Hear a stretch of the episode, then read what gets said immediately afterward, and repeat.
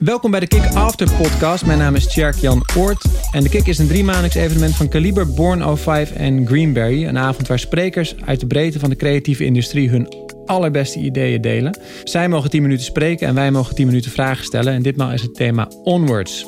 Technologie zorgt voor een snel verschuivend speelveld. Vandaag de dappere mensen die daar spannende dingen ondernemen. De locatie was Dot bedoeld om het Utrechtse start-up ecosysteem een boost te geven. En vandaar ook dat we napraten uh, voor deze editie met Heert-Jan Hogeveen.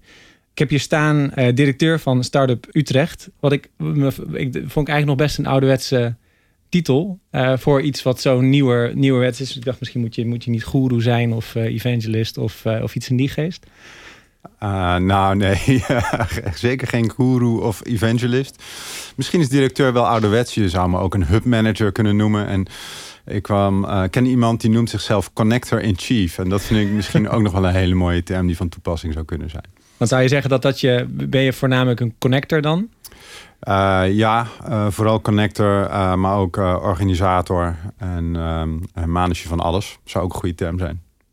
En Startup Utrecht dus een onderdeel daarvan, zeg ik dat goed, is dan de locatie dot slash. Kun je uitleggen, want daar is dus deze kick opgenomen. Kun je uitleggen wat dat, wat dat behelst, die locatie? Nou, even over Startup Utrecht. Dat is een, samenwerkingsverband van uh, partijen die ehm, nou ja, actief zijn op het veld van, uh, van startups in de regio Utrecht. Dus bijvoorbeeld incubators zoals Utrecht Inc. of Dutch Game Garden, die, die maken daar onderdeel van uit. En Dot Slash is begin dit jaar eigenlijk gestart als een plek waar start-ups die al net een fase verder zijn, kunnen, kunnen landen en daar hun werkplek hebben en elkaar ook kunnen ontmoeten. Want wat we hebben gemerkt is dat als je bij Utrecht Inc. bijvoorbeeld uitgroeit, dan, uh, ja, dan wil je eigenlijk ook nog wel met je peers uh, bij elkaar zitten. En uh, nou, Dot Slash is daar een hele mooie plek voor. En we zijn ook heel trots dat dat, dat in Utrecht kan. Volgens mij hebben we deze keer een aantal mensen die, uh, die wellicht niet per se 100% een start-up zijn, maar in ieder geval mensen die wel innoveren en die daar hard aan trekken. we horen vandaag onder andere presentaties van Jeroen de Bakker van Talpa over radio. Nick Nieuwenhuis van Côte d'Azur over menselijker AI. En Maarten Lens Fitzgerald over waarom voice niet zomaar een gimmick is. Even een kleine aankondiging voor de oplettende luisteraar. Dit is onze eerste aflevering en de techniek liet ons een beetje in de steek aan het begin. Dus we hebben jammer genoeg uh, Piet Middelkoop van NS Mobiliteitslab niet bij ons. Uh, we beginnen vandaag met uh, de presentatie van Norman Groenewegen van Chiel. En het geheime wapen van onze shorttrackers op de afgelopen winterspelen. Goed, Samsung Smart Suit. Ik werk bij reclamebureau Chiel. Als je het ziet, dan lijkt het inderdaad een beetje op gel. daar hebben we heel veel discussies over gehad. Maar het is niet onze keuze. Chiel is Koreaans voor heel bescheiden nummer 1. Wij zijn de beste. Van Samsung kregen we de opdracht. Oké, we, hebben een sponsorship voor de Olympische Spelen. En ja, kunnen jullie daar iets moois voor verzinnen? Wereldwijd heeft Samsung sponsorship, worldwide partner. Nou, nu is het natuurlijk helemaal geweldig, want het was in Zuid-Korea, het land van uh, Samsung. En elk land kan zeg maar, de divisie bepalen van... oké, welk sponsorship ga je aan? Op welke manier ga je een sponsorcampagne uh, ja, bewerkstelligen? Goed, uh, we kregen in onze schoot geworpen... de beste shorttrekker en de beste shorttrackster. Van dat moment wij hadden in eerste instantie zoiets van... oké, Samsung number one. En in plaats van lange baanschaatsen... waar we al 35 keer goud hebben gehaald... naar short track. En daar hebben we tot nu toe één keer brons uh, gekregen. Ooit. En voor de rest nooit iets gewonnen. En uiteindelijk uh, al vrij snel dachten we van... ja, dit is juist wel een kans. Dus er was een sponsorship met twee personen. En we dachten van nou, oké, mooi. Die hebben we. Wat kunnen we doen? We kunnen gewoon heel standaard uh, kunnen we een mooi logootje hier erop plakken. En dan gaan we een mooi filmpje maken. En dan gaan we een mooi uh, ja, out of home uh, dingen maken, online dingen. En dan geweldig. We hebben een logo hebben we geplakt op een pak. Mooi. Hebben we ook gedaan. ja, goed, dat hoort er ook allemaal bij. Maar wij dachten ook van, we hebben het over, we hebben het over Samsung. Samsung is goed in innovatie, technologie. Ze hebben een soort mission met uh, human progress by defying barriers en nou, dat soort dingen. Uh, payoff is do what you can't. Uh, eigenlijk zijn ze altijd op zoek naar net even dat uh, ja, grenzen doorbreken. En ja, dat zit in het hele bedrijf, dat zit in alle producten. Dat zit in, toen kwam de S8, Galaxy S8 uit. En dat was dan een van de eerste, volgens mij niet de. van de kaders moeten weg. Dus dan had je zeg maar een kaderloos scherm. Of in ieder geval aan de zijkant zonder kaders. Oftewel, ze zijn altijd bezig om zeg maar, die grenzen te doorbreken. Iets te doen wat normaal gesproken niet mogelijk is. Oké, en dan hebben wij een sponsorcampagne en dan gaan wij een logootje plakken. Nee, wij gaan kijken waar is eh, Samsung goed in. En kunnen we op die manier zeg maar, echt, echt waarde toevoegen aan onze sponsorship van Shinky en Suzanne. Dus we zijn braaf natuurlijk oldschool een beetje gaan, uh, gaan schetsen, uh, verzinnen. Kunnen we, je, belangrijk is een beetje diep zitten, hadden we ergens gelezen. Uh, we hebben een paar andere dingen bedacht. Dit vonden we ook wel geniaal van onszelf. een VR-bril, dat is natuurlijk ook Samsung. Maar dan dachten we van, als je nou zeg maar, daar een cameraatje op doet... en dan heb je een soort mixed reality. Dus daar gaat Shinky Knecht, die gaat dan op de baan gaat die schaatsen. Dan ziet hij zeg maar, de baan door het cameraatje. En dan kunnen we daar natuurlijk van alles aan toevoegen. Bijvoorbeeld een Koreaan die vlak voor hem zeg maar, uh, ervoor duikt. Misschien uh, valt er iemand en moet hij die ontwijken. En misschien zit hij alvast in het stadion in uh, Pyeongchang zodat hij daar alvast aan kan wennen. Nou, allemaal waren heel erg blij met onszelf. Uh, totdat we dachten van, ja, wij kunnen mooi in Amsterdam kunnen we iets gaan verzinnen. Maar dat slaat natuurlijk nergens op. We moeten uh, met de deskundigen gaan praten. We moeten met de mensen moeten uh, aan tafel gaan zitten. En uh, dat hebben we dus ook gedaan. Wij zijn uh, heel wat keertjes naar TIOF gegaan. Uh, dit is de bewegingswetenschapper van het shorttrack team. daar hebben we heel veel mee samengewerkt. En toen wij ons waanzinnig briljante verhaaltje al vertelden... toen zei hij al van, ja, jullie hebben meerdere ideeën... maar ik kan meteen dat idee met de VR-bril kan afschieten. Want weet je hoe snel Shinky gaat? 55 km per uur. Als de vertraging zit, dus het cameraatje en zeg maar wat Shinky voor zich ziet, als dat maar 0,2 seconden is, dan, uh, ja, vliegt hij zo uh, uit de bocht. Oké, tot zover dat ideetje. Andere ideeën hebben we bekeken. En uh, uiteindelijk is het ook zo'n fantastisch woord, co-creatie. Maar dat is wel wat we, we, gedaan hebben. We hebben heel veel met hem, met de coach, met uiteindelijk ook Shinky Suzanne gekeken. Waar is nou echt behoefte aan? Want ja, zeker op dit niveau, Olympisch niveau gaat het natuurlijk om de hele kleine details. Dus als we ergens een klein beetje uh, winst kunnen pakken... dan kan dat al het verschil zijn tussen niks en brons... of misschien wel zilver of goud. Mooi voorbeeld uh, vonden we ook wel deze. Volgens mij was het een of andere EK... dat Shinky eigenlijk derde is, maar toch stiekem tweede. Dus dat vonden we ook wel mooi. Maar ja, bedoel, in alle, alle sporten gaat het gewoon echt om details. En ja, zo ook natuurlijk bij short track. Goed, gingen we eens even kijken hoe ze tot nu toe uh, bekeken. Uh, een van de dingen die super belangrijk is, is gewoon hoe diep je zit. Dat zit bij lange baanschaatsen is zo, maar bij short track ook. Want hoe dieper je zit, hoe verder je, je, je reach is, hoe, meer afstand uh, je kan zetten, hoe meer kracht je kan zetten, hoe sneller je gaat. En dat is bij lange baanschaatsen is natuurlijk heel saai en uh, bij short track moet je gewoon impulsief af en toe zorgen dat je net achter de tweede man duikt, uh, dat je een goede positie hebt. Dus dan moet je explosief, moet je heel snel kunnen schaatsen. Dus dat is net wel even iets anders dan bij lange baanschaatsen. Dus snelheid is heel belangrijk. Daarvoor is diepte heel belangrijk. Uh, een van de belangrijkste dingen, ook bij short track. Dan gingen we eens kijken hoe ze dat tot nu toe deden. En dat was de bondscoach die mooi op het oog zat te kijken uh, hoe diep hij zat.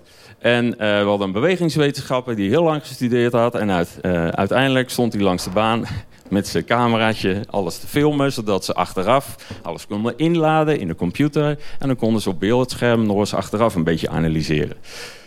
Goed, uh, dat was het Olympische niveau, zeg maar, wat wij niet verwacht hadden. En uh, uiteindelijk hebben wij gezamenlijk, en, en vooral met uh, Björn de Laat, gekeken van... wij moeten gewoon per se weten hoe hoog zitten zij. Wij moeten op afstand, moet de coach direct zien hoe hoog zitten ze... zodat hij meteen kan bijsturen en kan trainen zeg maar, op, het, op het diep zitten.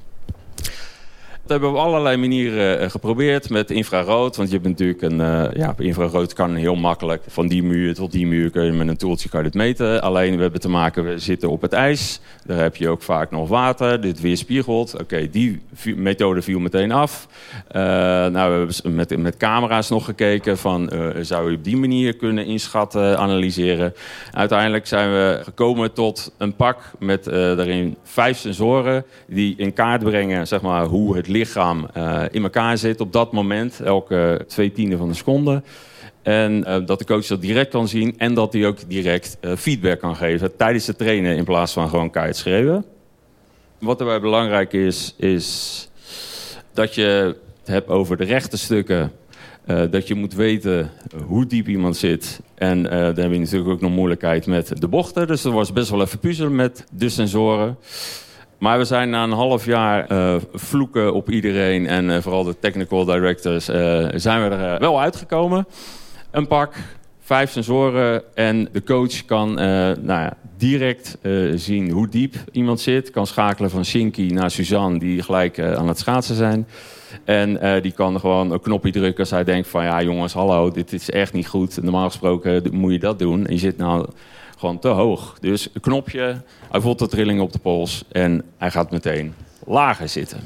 Dat is goed voor uh, analyseren uh, tijdens de wedstrijd, maar ook zeg maar, uh, na de wedstrijd.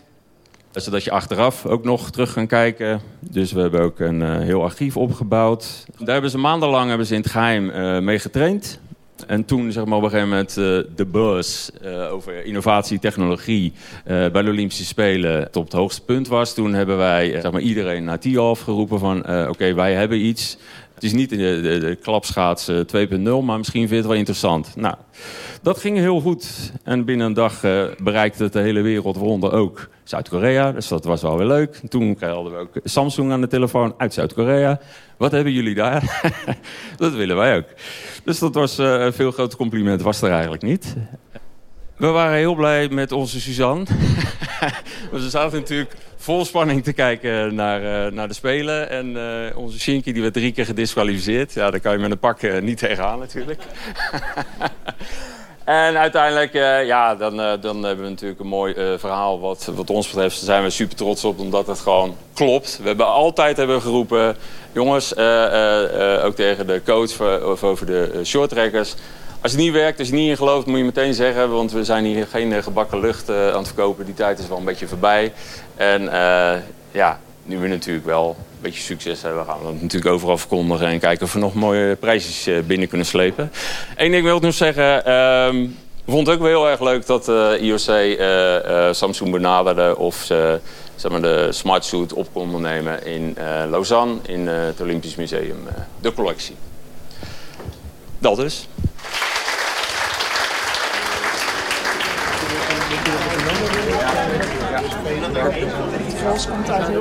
En ik vind het uh, verhaal van Norman vind ik fantastisch om te zien hoe je met uh, durf en met goede ideeën zoiets waanzinnigs als een smartsuit neer kan zetten. Wat ook nog eens een keer ervoor zorgt dat je een soort nieuwe norm in hoe je sport uh, beleeft en beoefent neer kan zetten. Dus je pikt er altijd heel veel dingetjes uit. Die ergens ga je dat wel weer toepassen. Dat is het mooie van geïnspireerd raken natuurlijk. Heert-Jan, is er ruimte voor start-ups in, uh, in de sport? Ja, uh, zeker denk ik. Uh, met name natuurlijk in sporten waar ook wel geld omgaat. En dit is een prachtig voorbeeld. Dit is natuurlijk geweldige techniek. Maar je ziet ook wel, uh, ik denk dat we ook in de regio Utrecht nog wel uh, meer start-ups uh, hebben die bezig zijn met, met sport. Ik denk aan Hypercube, die heel veel doen met data voor, om de waarde van voetballers te berekenen eigenlijk. En een start-up die eigenlijk een scale-up, die bezig is met interactieve velden en daar ook al met de NBA aan de slag is in Amerika. Ja, dat, dat, dat spreekt natuurlijk wel tot de verbeelding.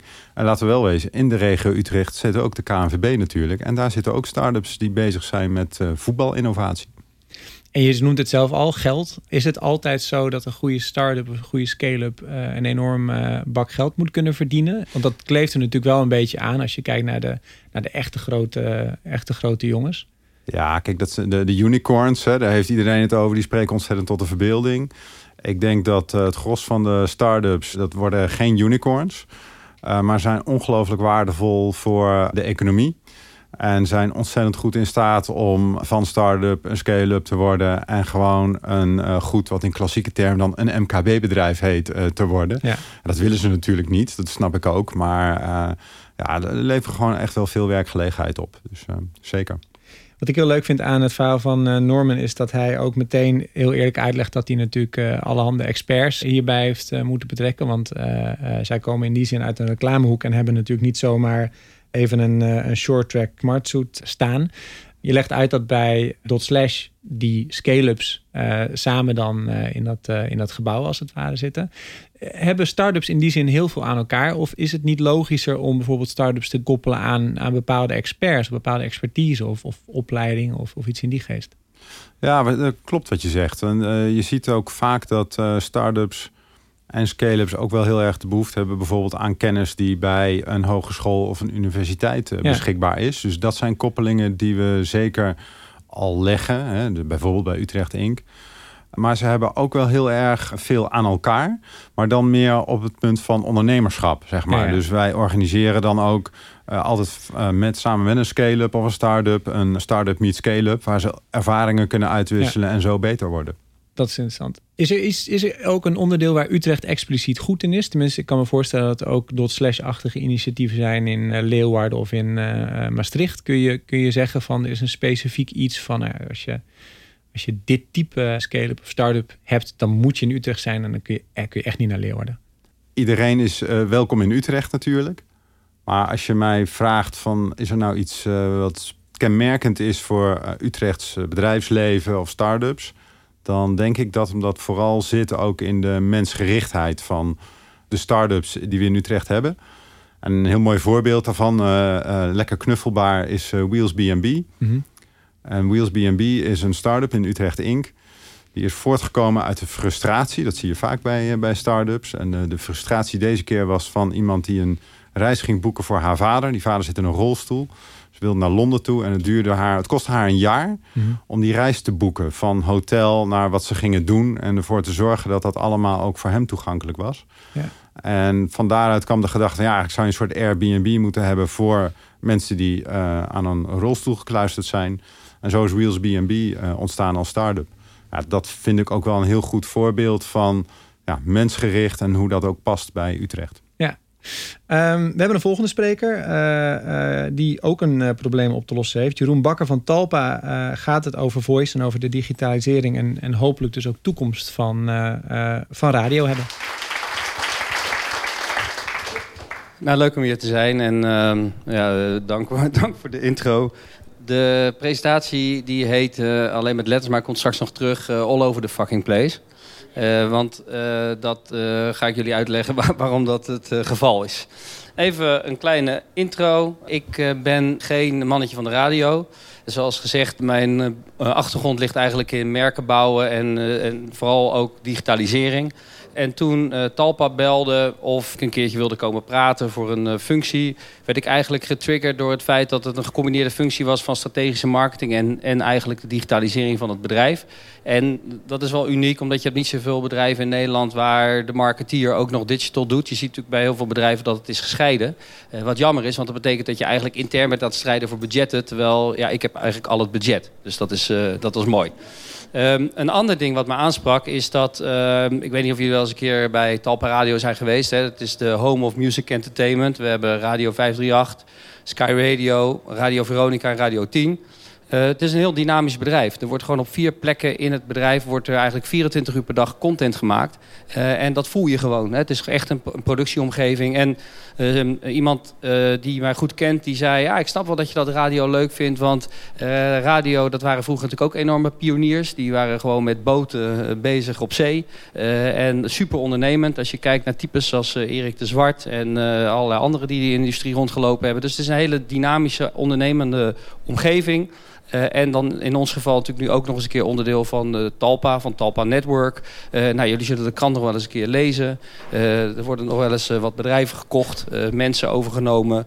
dus er zit een forse ambitie achter om uiteindelijk het beste mediabedrijf van Nederland te worden. Waarbinnen technologie een belangrijke rol speelt. Belangrijker dan ooit tevoren bij, bij Talpa. en toen ik startte ben ik eigenlijk begonnen samen met ons onderzoeksteam om te kijken van in welke behoeftes voorziet nou eigenlijk precies radio. Want mijn ervaring is dat door, door technologie het gedrag van mensen verandert, maar vaak niet hun behoeftes. Dus als je goed weet wat de behoefte is en je kan het, het veranderende gedrag volgen, dan hoef je in principe natuurlijk consumenten niet kwijt te raken.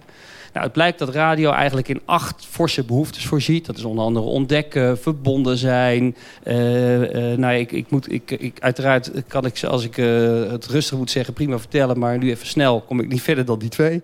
Um, en het zijn er in ieder geval acht. En het mooie is dat als je natuurlijk die behoeftes snapt... dan kunnen we natuurlijk onze merken daar beter op positioneren... in het, in het FM-landschap, wat een analoog landschap is. Maar ook bedenken hoe dat zich moet ontwikkelen... wanneer mensen naar het internet gaan of via IP gaan luisteren. Want dan wordt het concurrentielandschap totaal anders. Hè? Dus we kijken heel erg goed naar de behoeftes. En vervolgens kijken we naar hoe de consument zijn gedrag verandert. Nou, wat is natuurlijk het gevaar van uh, veranderend uh, gedrag van consumenten... is dat ze andere routines kunnen krijgen. dus nu zijn mensen toch wel gewend als ze in de auto zitten... dat ze de radio aanzetten. Ja, dan zitten er gewoon een paar zenders op. En een van die zenders, ja, die gaan, daar gaan ze naar luisteren. En voor ons is natuurlijk de kans groot dat het een van onze zenders is... want we hebben er vier van de, over het algemeen voor geprogrammeerde negen. dus we hebben eigenlijk nu een soort captive audience. Terwijl we weten natuurlijk dat als mensen straks tegen Alexa gaan praten in de ochtend... dat dan, dat dat natuurlijk dat gedrag gaat veranderen. En dat we nieuwe routines mensen moeten aanleren. Hè. Zo geldt bijvoorbeeld ook voor de mobiele telefoon. Wij proberen toch tegen mensen te zeggen... je mobiele telefoon is ook een radio. Dan kun je ook gewoon naar de radio luisteren. Maar we moeten tegen mensen wel zeggen, want ze hebben die routines nog niet. Hè, dus we zijn eigenlijk continu bezig met mensen proberen om nieuwe routines aan te leren... die hopelijk natuurlijk toe leiden dat ze onze producten blijven gebruiken. Dan verder uh, is het grootste verandering in ons bedrijf... Uh, is eigenlijk uh, dat we natuurlijk altijd luisteraars hadden... die we eigenlijk niet of nauwelijks kenden... maar steeds meer gebruikers krijgen die, die we wel kennen... of waar we dingen van kunnen weten of meten. Um, ik heb een keer een plaatje gemaakt. Uh, het wonderlijke is, ik weet niet of jullie het weten... maar radio wordt in Nederland nog steeds gemeten via het NLO... het Nederlandse luisteronderzoek. En dat betekent dat wij één keer per maand krijgen we luistercijfers. Dat is natuurlijk echt bizar. En dat luisteronderzoek wordt gedaan door een panel... voor mensen die aankruisen waar ze denken naar geluisterd te hebben. Dus eigenlijk meten we perceptie...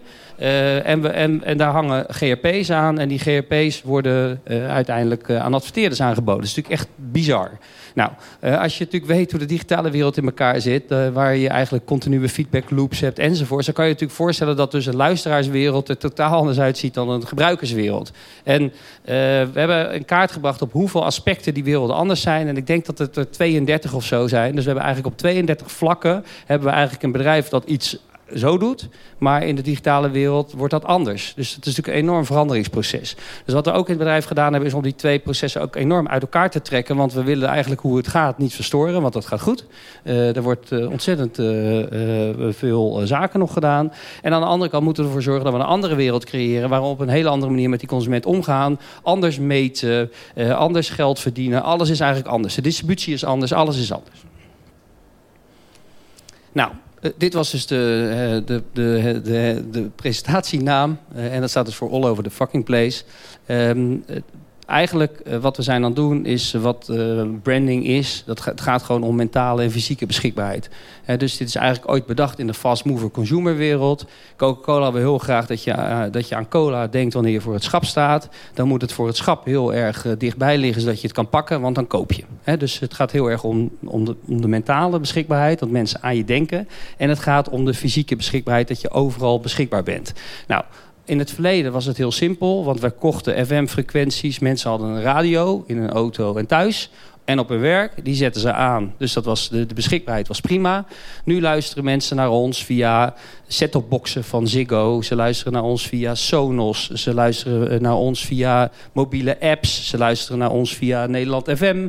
Eh, ze luisteren straks uh, naar ons via alle voice speakers en assistants die er komen. dus we moeten gewoon overal zijn, want we moeten beschikbaar zijn. En we moeten hebben dat mensen eigenlijk naar ons vragen. want als, ze niet, als je tegen Alexa zegt van joh ik weet niet of jullie die commercial kennen van doe me maar een kapseltje en doe me maar een drankje. Ja, dus als de consument zo gaat praten tegen Alexa, dan is de kans dat ze bij ons terechtkomen eigenlijk nieuw. Dus mentale en fysieke distributie is heel belangrijk. Daarnaast zien jullie eigenlijk Duke.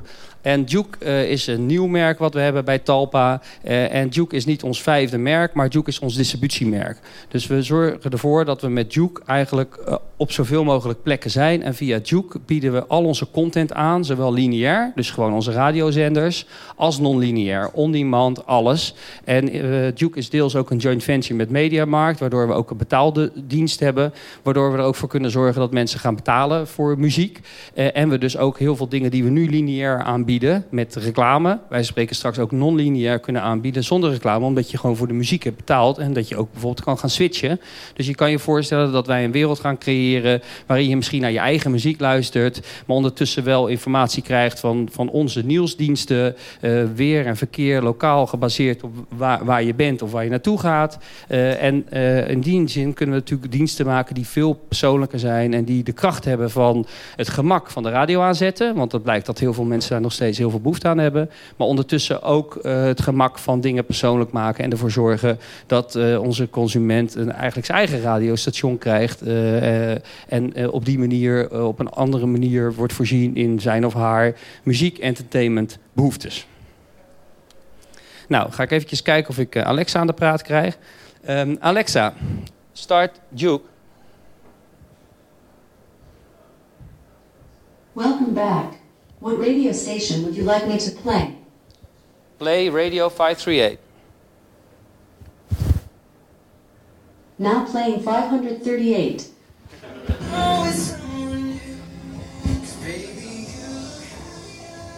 Zoals jullie kunnen zien hebben we ook video. Dus dat is ook gelijk. Sommige van dit soort apparaten krijgen natuurlijk ook eh, schermen. Ik zal hem iets zachter zetten. Alexa, ask Duke what number is playing. You're listening to This Is Love by Will I Am. Alexa, start Radio Veronica. Now playing Radio Veronica. Nou, wat jullie natuurlijk opmerkt is dat ik nog steeds Engels praat met uh, Alexa. Uh, dat uh, is natuurlijk wel nog een forse barrière voor consumenten. echter, in het najaar komt Google met Nederlands. Dus dat zal enorm schelen in, in, het, in het gemak van het bedienen van, van onze voice assistant. en ehm, ja, we zijn eigenlijk gewoon aan het kijken van hoe, ja, hoe kunnen we die apparaten... want jullie zullen ongetwijfeld weten... en Maarten komt ongetwijfeld zo ook nog met allerlei cijfers. de penetratie van de deze apparaten gaat eigenlijk sneller dan die van de mobiele telefoon. Uh, ik heb eigenlijk uh, ook uh, in het verleden mobile het hele internet zien veranderen. Ik ben ervan overtuigd dat door voice het hele internet ook weer over de kop gaat. want het wordt gewoon totaal anders. Uiteindelijk moet technologie zich nu aan ons gaan aanpassen. en er zit natuurlijk heel veel artificial intelligence hierachter. Want uiteindelijk moet Alexa natuurlijk snappen wat je bedoelt. en dat gaat natuurlijk enorme invloed hebben op wat wij als eh, marketeers zijn aan doen. Uh, ik denk dat uh, Maarten zo wel iets gaat zeggen over ja, wat is dan je use case voor, uh, voor zo'n device. Hè? De vraag ging net al richting de NS. voor ons is het heel simpel wat de use case is. Dat is mensen moeten gewoon naar onze content luisteren. en we hebben geen tijd om hier niks mee te doen. Omdat in Amerika er, er, onderzoek is gedaan. En als mensen vragen, als je mensen vraagt van waar gebruik je nou dat ding voor. dan zeggen mensen vaak als eerste of als tweede of als derde het luisteren naar muziek. Dus dat is onze business. Uh, en als je mensen vraagt van waar zie je de meeste toepassing ook voor voice, dan zeggen mensen in de auto. Nou, daar halen we de meeste luisteruren ongeveer vandaan. Uh, dus uh, dus de, vooral de komst van voice komt binnen bij ons in, in het hart van onze business. dus we moeten daar als, als eerste zijn en inzitten. Want dit apparaat is natuurlijk weer een klein beetje als een mobiele telefoon. Er moet wel een appje op worden geïnstalleerd. Dat heet in dit geval een skill. Maar mensen gaan natuurlijk ook hele andere uh, dingetjes doen. Kan bijvoorbeeld, ik kan bijvoorbeeld ochtends tegen Alexa zeggen good morning. Uh, en dan weet Alexa wat ik allemaal wil weten. Dan weet Alexa dat ik wil weten wat het laatste nieuws is. Met als bron uiteraard 538 nieuws. wat het weer en verkeer is. Of mijn trein wel of niet rijdt. En dat is gewoon één commando naar Alexa die gelijk eigenlijk een routinetje afspeelt. Met verschillende diensten die super getarget zijn en relevant voor mij. en ja, ik kan me niet anders voorstellen dat dat, dat, dat soort dingen eh, heel handig zijn en mensen gaan helpen. eh, en nogmaals, eh, onze wereld gaat veranderen. Dus eh tenslotte, radio is springlevend. eh, maar zoals een collega van mij altijd zegt, van, we moeten het dak repareren als de zon schijnt. Dus daar zijn we heel hard mee bezig. En voor ons is Voice dus, en een, bedreiging, maar ook een enorme kans... om zoveel mogelijk mensen aan ons te binden... en hun leven te verrijken met de magie van onze sound.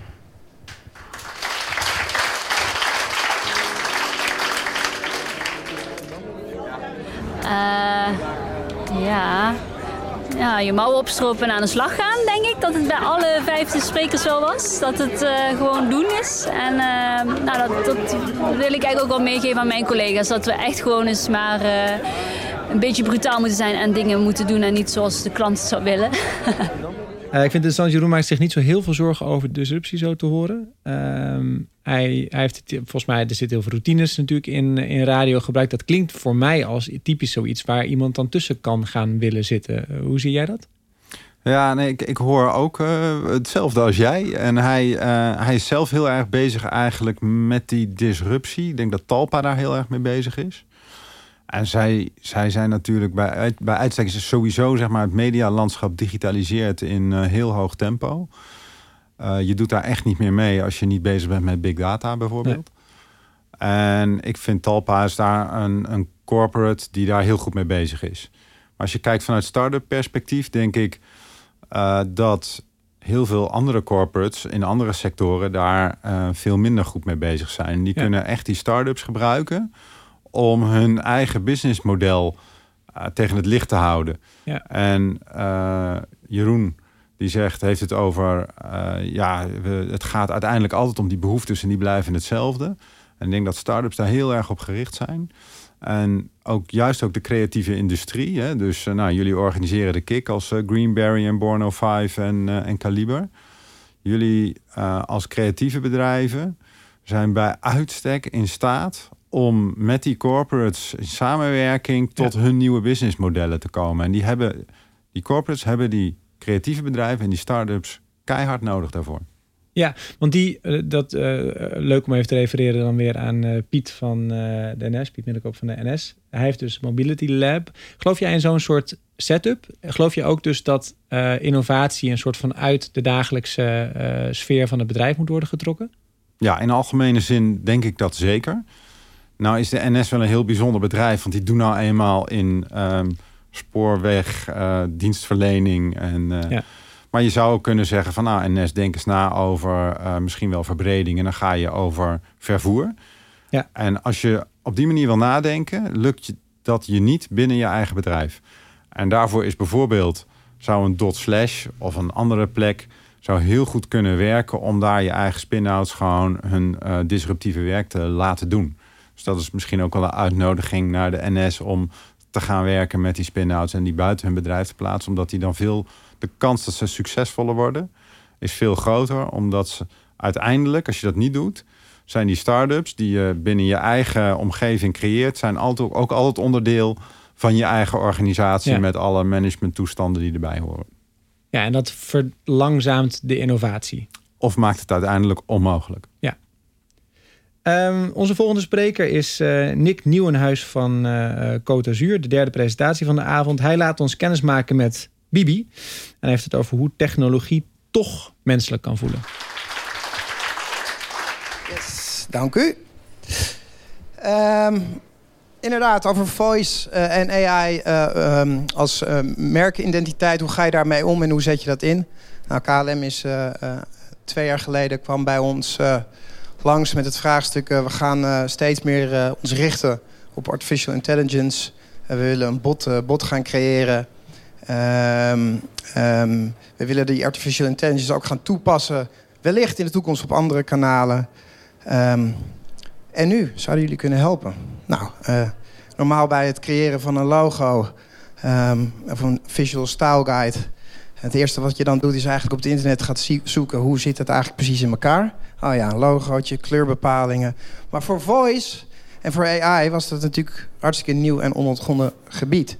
Ehm, daar was nog niet echt een stijlguide voor.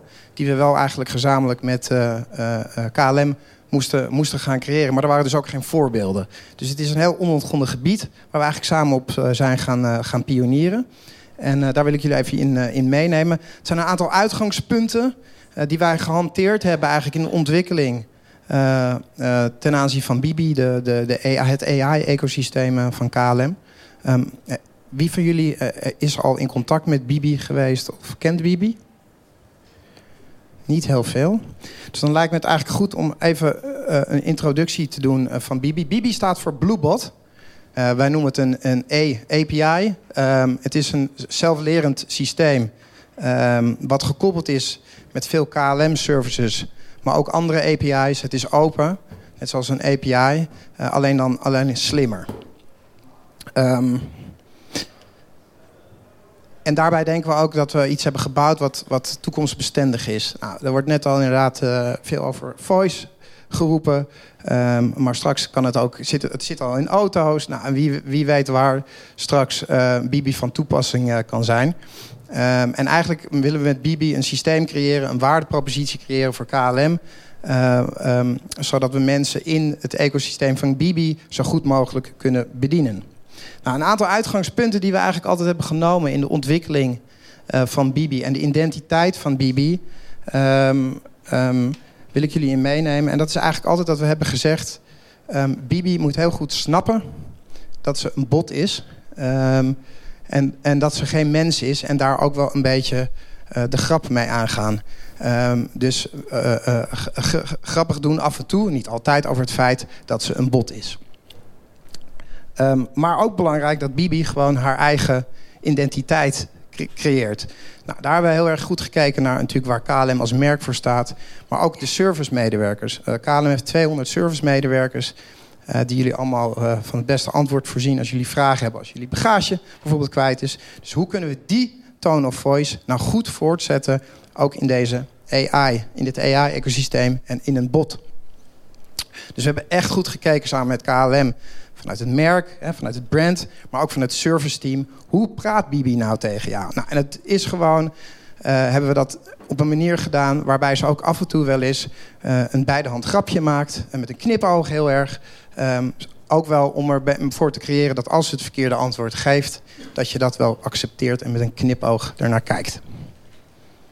Um, erg belangrijk is dat ze altijd de dialoog, dialoog aangaat. Nou, ken allemaal wel bots die abrupt eindigen of je een keuzemenu uh, uh, geven. En wij hebben eigenlijk gekeken hoe kunnen we nou zorgen dat we altijd bij elk antwoord of elke conversatie doorconverseren en niet abrupt eindigen. En dat is lastig, veel werk, een heel extensief proces, omdat je Bibi heel erg moet trainen en hard moet trainen daarvoor. En verder vonden we het heel erg belangrijk dat Bibi proactief is. Um, dus hoe kunnen we inderdaad, wat ik net zei, ja, reis zo gemakkelijk mogelijk maken? Dat is door ook proactief te zijn. Dus in dit geval is er een voorbeeld um, waar Hans een uh, vlucht heeft geboekt en zijn itinerary krijgt. Um, en Bibi geeft eigenlijk proactief, omdat we de data vanaf de passagier en van Hans weten dat hij graag uh, dat hij vegetarisch is, bieden we hem een vegetarische maaltijd aan. En Bibi is slim. Maar dat komt door, doordat we Bibi steeds um, uh, slimmer maken. En dat komt door alle input die we krijgen wereldwijd van alle uh, passagiers. Maar ook door het trainen. En we koppelen dus ook third-party API's. Dus we maken Bibi eigenlijk steeds slimmer. Uh, zowel dat doordat wij Bibi leren, maar ook door meer API's te koppelen. Waardoor ze contextuele data kan geven. Um, nou, en als laatste wilde ik even stilstaan bij... Um, doordat we een ecosysteem hebben gemaakt en een duidelijke tone of voice en een duidelijke identiteit hebben gecreëerd, is het ook makkelijk om straks toekomstige interfaces eraan te koppelen. Dus we hebben gekeken niet alleen naar de realisatie van een bot op Messenger of voor een voice toepassing, maar heel gekeken hoe kunnen we die technologie gaan inzetten en hoe kunnen we de merkidentiteit van Bibi inzetten op andere toekomstige systemen. En daar kijken we heel erg ook van als je in de auto zit en straks iets aan Bibi vraagt, is dat een hele andere contextuele omgeving dan als je dat op je smartphone doet onderweg in de trein of als je dat thuis doet. Dus we kijken ook heel erg goed naar waar begeeft iemand zich en hoe um, servicen we diegene op de beste manier in die omgeving. Nou, dat was even kort. Heel krachtig. eh, het verhaal over Bibi. Ik kan eigenlijk veel meer erover vertellen, maar ik wil jullie even snel een aantal uitgangspunten ten aanzien van eh, de ontwikkeling van Bibi meenemen.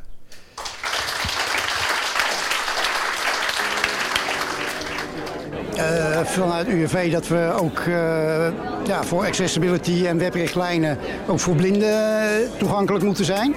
En ja, daar, daar sluit het ook heel goed bij aan. Je hebt al die dingen met voice denk ik van ja, het is ook fantastisch voor blinden als dat gewoon nu opeens zo'n grote doelgroep wordt. Dat die daar gewoon mee kunnen liften. En ja, ik vind het zelf ook wel heel, heel leuk om dat te zien van ja, stel dat je blind wordt of slechtziend of zo.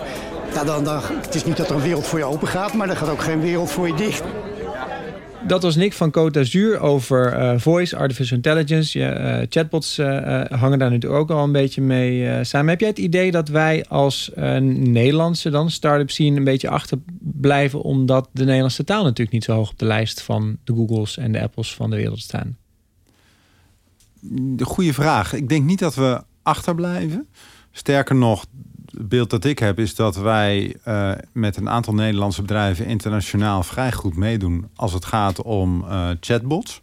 Heb je, daar, heb je daar voorbeelden van? Nou, ik weet dat er uh, Nederlandse bedrijven zijn die met name bijvoorbeeld, volgens mij is dat Dept, die met chatbots, vooral in de luchtvaartindustrie, echt heel goed bezig zijn. Volgens mij is Greenberry zelf ook over de grenzen actief met chatbots.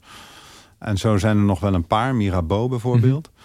En ik denk dat dat, als je ziet waar het nu staat, dat we die positie eigenlijk zouden moeten gebruiken om uh, kijkend naar uh, de toename die ook wordt voorspeld op het gebied van chatbots. Nu een markt van wereldwijd 1 miljard euro gaat in de komende jaren naar 3 miljard euro. Ja. dat we daar als Nederland echt wel in staat moeten zijn om daar een flink deel van die markt mee te nemen. Ben jij zelf een voice believer als het ware? Ja, ik geloof wel dat dat, dat dat de toekomst is. Ja, uiteindelijk vind je het toch makkelijker om even iets te zeggen dan iets te typen. En misschien dat uh, we daar uh, nog heel erg aan moeten wennen. Mm -hmm. En dat mijn kinderen, die allemaal natuurlijk gewend zijn om te typen, straks eigenlijk op dezelfde manier naar hun kinderen kijken als ik nu doe naar hun met hun ongelooflijk behoefte aan uh, digitale connectiviteit. Dat zij, kijk, nou, wat ben je nou de hele tijd aan het praten? Dat ze dat tegen hun kinderen gaan zeggen. Ja, ik weet niet. Ja, en gebruik je het veel zelf? Op dit moment eigenlijk nog niet. Nee, ik ben nog echt van het type. Grappige paradox is dat eigenlijk. Hè? Dat eigenlijk heel veel mensen wel geloven dat het groot wordt. Maar als je mensen vraagt van, doe je het zelf? Dan is het, uh, ik zelf dus ook weinig. Nee, maar ik denk dat het ook nog wel echt wat meer ontwikkeling nodig heeft om het uh, ook uh, aan te. Het moet meer worden aangeboden ook. Hm. Ik denk dat als het meer wordt aangeboden op websites of zo, ja. noem maar wat, dat, uh, dat je het dan ook meer gaat gebruiken. Oké, okay. we gaan door naar onze volgende spreker. Maarten, die is een absolute believer van voice in de toekomst. Maarten Lens Fitzgerald gaat ons laten zien dat voice geen gimmick is, maar meer een revolutie. Tikken is old school. Wie van jullie vindt het fijn om te tikken? Ah, toch wel wat. Ah, oké. En wie van jullie gebruikt wel eens dat microfoontje in je toetsenbord om dingen te zeggen? Ah, kijk. Ja. Ik, ik, kan dus voor geen meter typen, dus ik vind het ook vreselijk. Um, nou, ik, ik heb wel wat met nieuwe media. Ik ga binnenkort ook een nieuw logo maken met een CDI erin, zat ik te denken. Dat is wel een ding. Um, uh, eind jaren tachtig las ik uh, heel veel cyberpunk van William Gibson en, en, Neil Stevenson en, uh, Bruce Sterling. En die, gaf, die schetste een wereld over dat alles online zou gaan. You jack into cyberspace.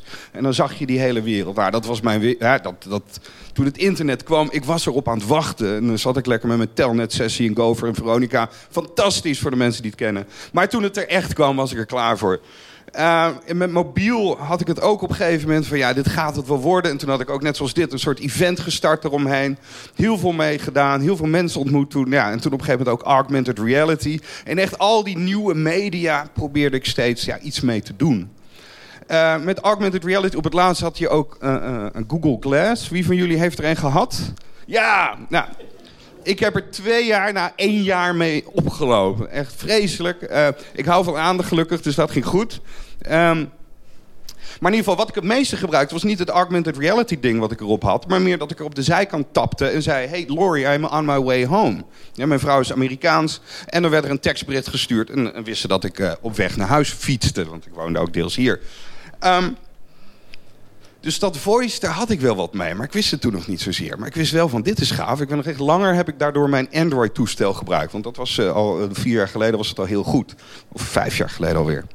Ehm, op een gegeven moment had Amazon een Echo-speaker. En omdat ik toevallig ook een Amerikaanse account heb eh, bij Amazon... kon ik in de beta-groep en had ik dat ding thuis redelijk snel. En vanaf dag één gebruikte ik hem elke dag. Elke dag zeg ik tegen mijn speaker... Hey Alexa, lights on. Hey Alexa, what's the weather in Amsterdam? Hey Alexa, play the latest Snow Patrol. Ik zag hem trouwens bij jou de app staan. Ehm, en de hele familie doet het. Hè. We praten Engels, dus ik heb niet die barrière. En dat doe ik al zo lang dat ik niet meer beter weet. En ik heb eigenlijk een, ik heb een ander bedrijf intussen alweer gestart in de toekomst van werk. Heel wat anders. Maar ik heb een beetje gewacht tot Voice nu eindelijk zou gaan beginnen. En zover zijn we nu. En nu praat je tegen dingen. En dat is inderdaad wel weer een hele verandering, een verrijking. En waarom werkt het? Heel simpel. Eigenlijk, als je naar een hele bazaal ding kijkt. Als je gaat tikken. Nou, bij mij is dat misschien twee woorden per minuut. Andere 41.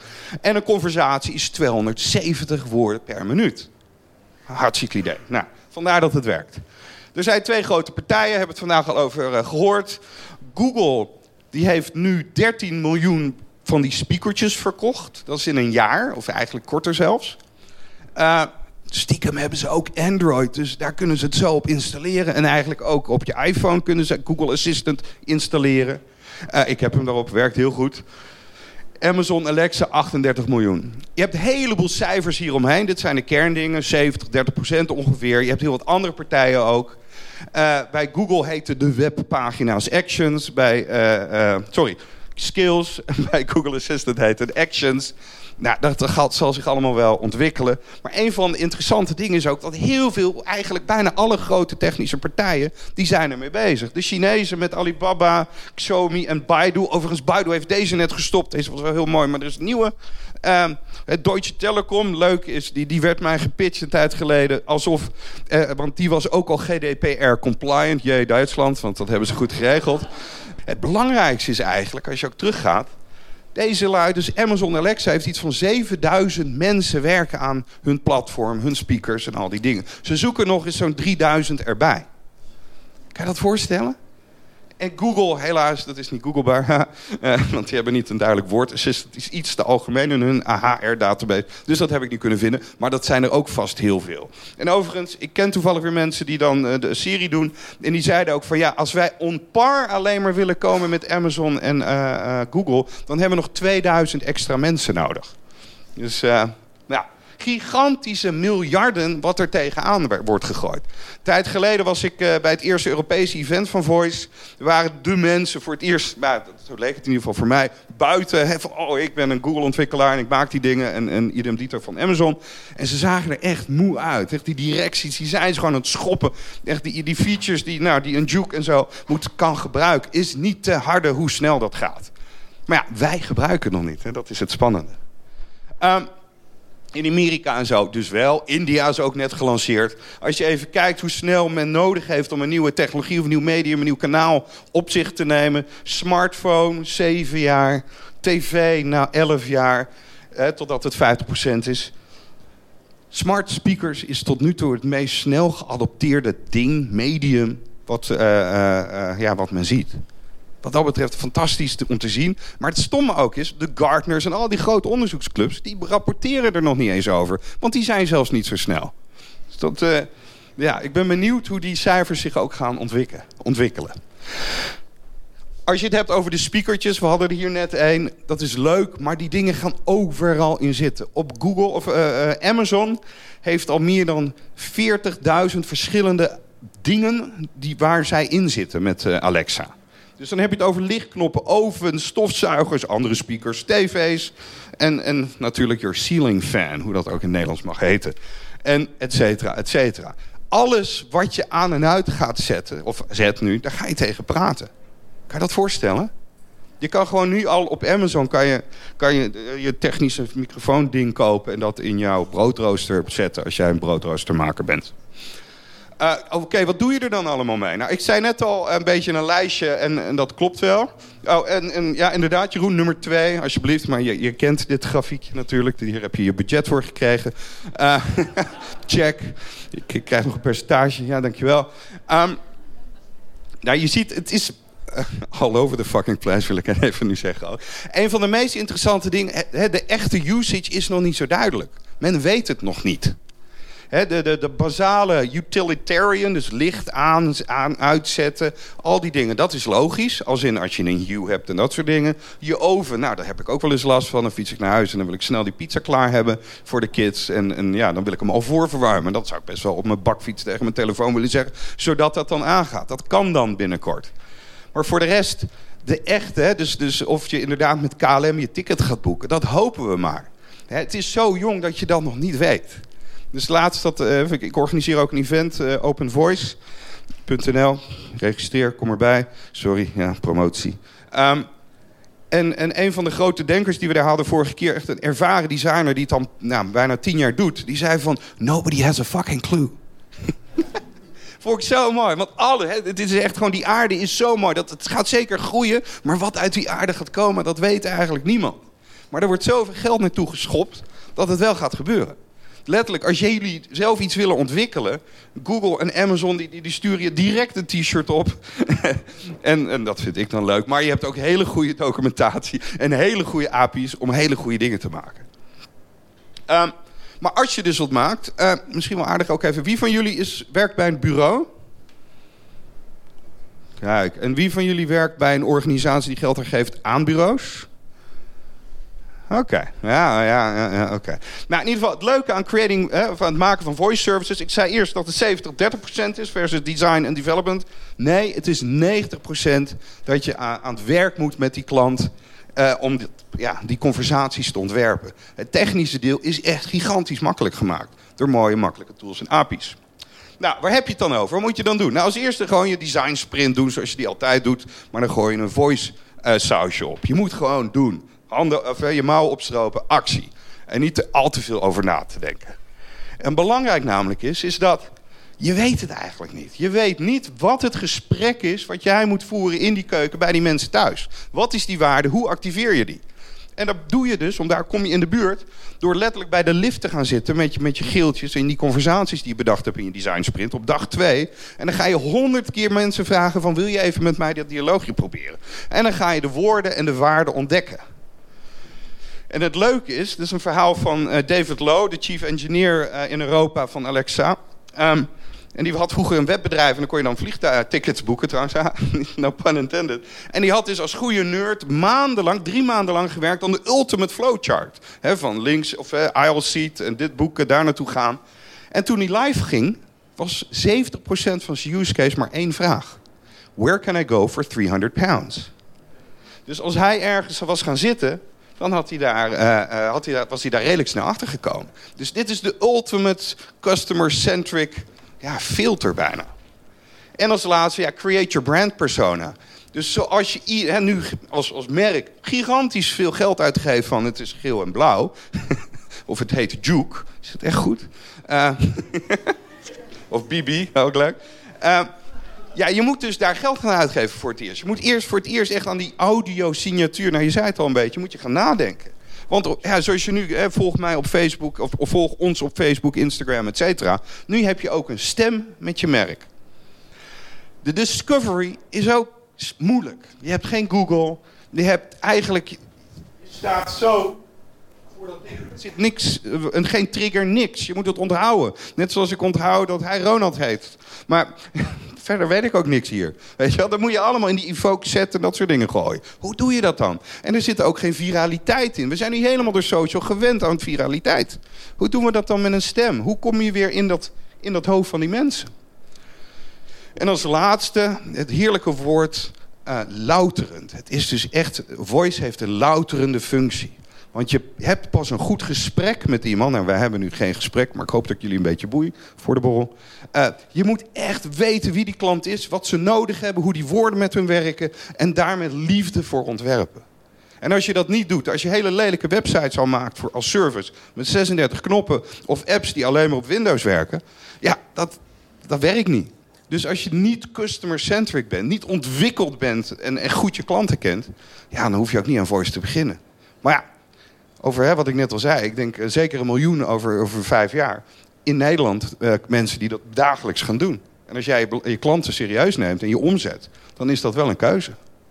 Dus ik zeg, uh, voice, dat zal zeker het web niet obsolet maken. Maar het is zeker all over the fucking place.